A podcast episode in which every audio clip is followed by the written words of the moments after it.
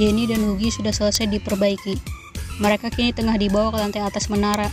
Tinggal menekan tombol rahasia yang hanya diketahui oleh Skylar itu, keduanya akan kembali aktif menjadi robot yang menyerupai manusia. Skylar membawa beberapa alat lukisnya ke atas. Ia lalu melukis pemandangan yang bisa ia lihat dari sana. Ia dapat menggambarkannya dari seluruh sudut yakni 360 derajat.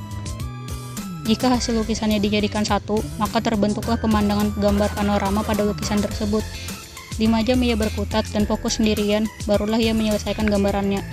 Hasilnya selalu seperti biasanya, tak pernah mengecewakan. Gambar Skylar selalu nyaris mirip dengan aslinya. Skylar pun mengaktifkan kedua robotnya.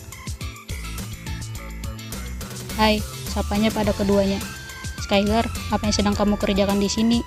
Tanya Hugi begitu sadar. Apalagi, tunjuk Skylar pada karyanya. Wah, ini keren. Mau dijual.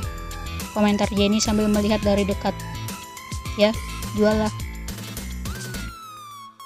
Uh, Hugi, apa kabarmu? Sapa Hester begitu melihat Hugi kembali. Aku selalu baik-baik saja kawan, katanya. Uh, siapa yang memasakkanmu Skylar? Tanya Jenny saat melihat hidangan yang ada di atas meja. Skylar yang sedang tiduran sambil memeluk luka itu pun hanya menunjuk Hester sebagai jawabannya. Ia enggan bersuara semenjak mendapatkan komentar dari orang-orang tentang mengenai lukisan yang baru saja diunggah fotonya olehnya sejak satu jam yang lalu itu. Bukan komentar buruk sebenarnya, melainkan pujian. Sepanjang komentar yang ia dapat selalu berisi akan kekagumannya pada karya Skylar tersebut. Padahal Skylar mencari komentar lain yang semisal menyapanya begitu, tapi tidak ada sama sekali. Hasil dia jadi kesal sendiri. Leo dan Louis kini sudah berukuran cukup besar. Padahal mereka baru beberapa minggu atau bulan mungkin berada di rumah itu sejak dibawa dengan ukuran layaknya bayi kucing. Kini keduanya bahkan sudah hampir seukuran luka. Apalagi Louis. Hmm, Esther menyodorkan satu cup berisi es krim coklat buatannya. Skylar mengambilnya masih dengan posisi anaknya. Luka menatapnya dengan sorot mata ingin meminta. Skylar yang sadar akan sorot kepingin itu lantas hanya menggeleng dengan khidmat.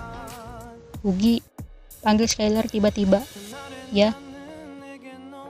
Aku ingin buku baru. Oke, aku akan belikan untukmu. Ujar Hugi dengan bersiap berjalan keluar. Skylar mengubah posisi tidurannya menjadi duduk sambil menyuapkan es krim ke mulutnya. Kau mau tambah lagi? Tanya Hester. Skylar menyodorkannya sebelum tadinya menuangkan cupnya langsung ke mulutnya. Hester yang melihat itu hanya menggelengkan kepalanya. Beberapa orang mulai memasang poster mengenai video pertama unggahanmu yang sekarang sudah mencapai 1 bilion penonton Skylar. Apa kamu akan mengunggah sesuatu yang baru untuk memperingati hal itu?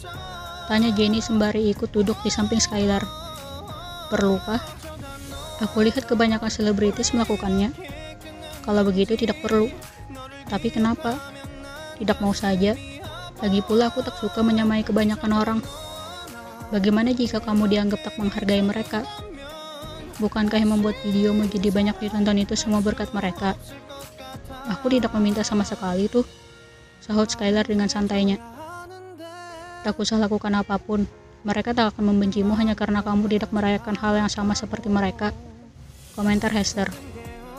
Bagaimana kau tahu tak akan ada yang membenci? Tanya Jenny.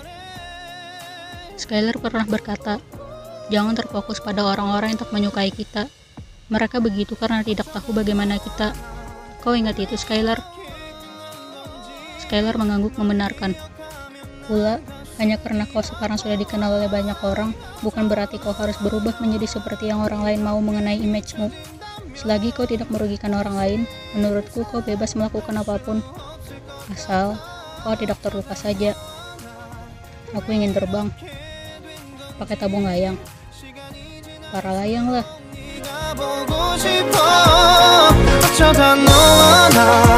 이렇게 잊혀진다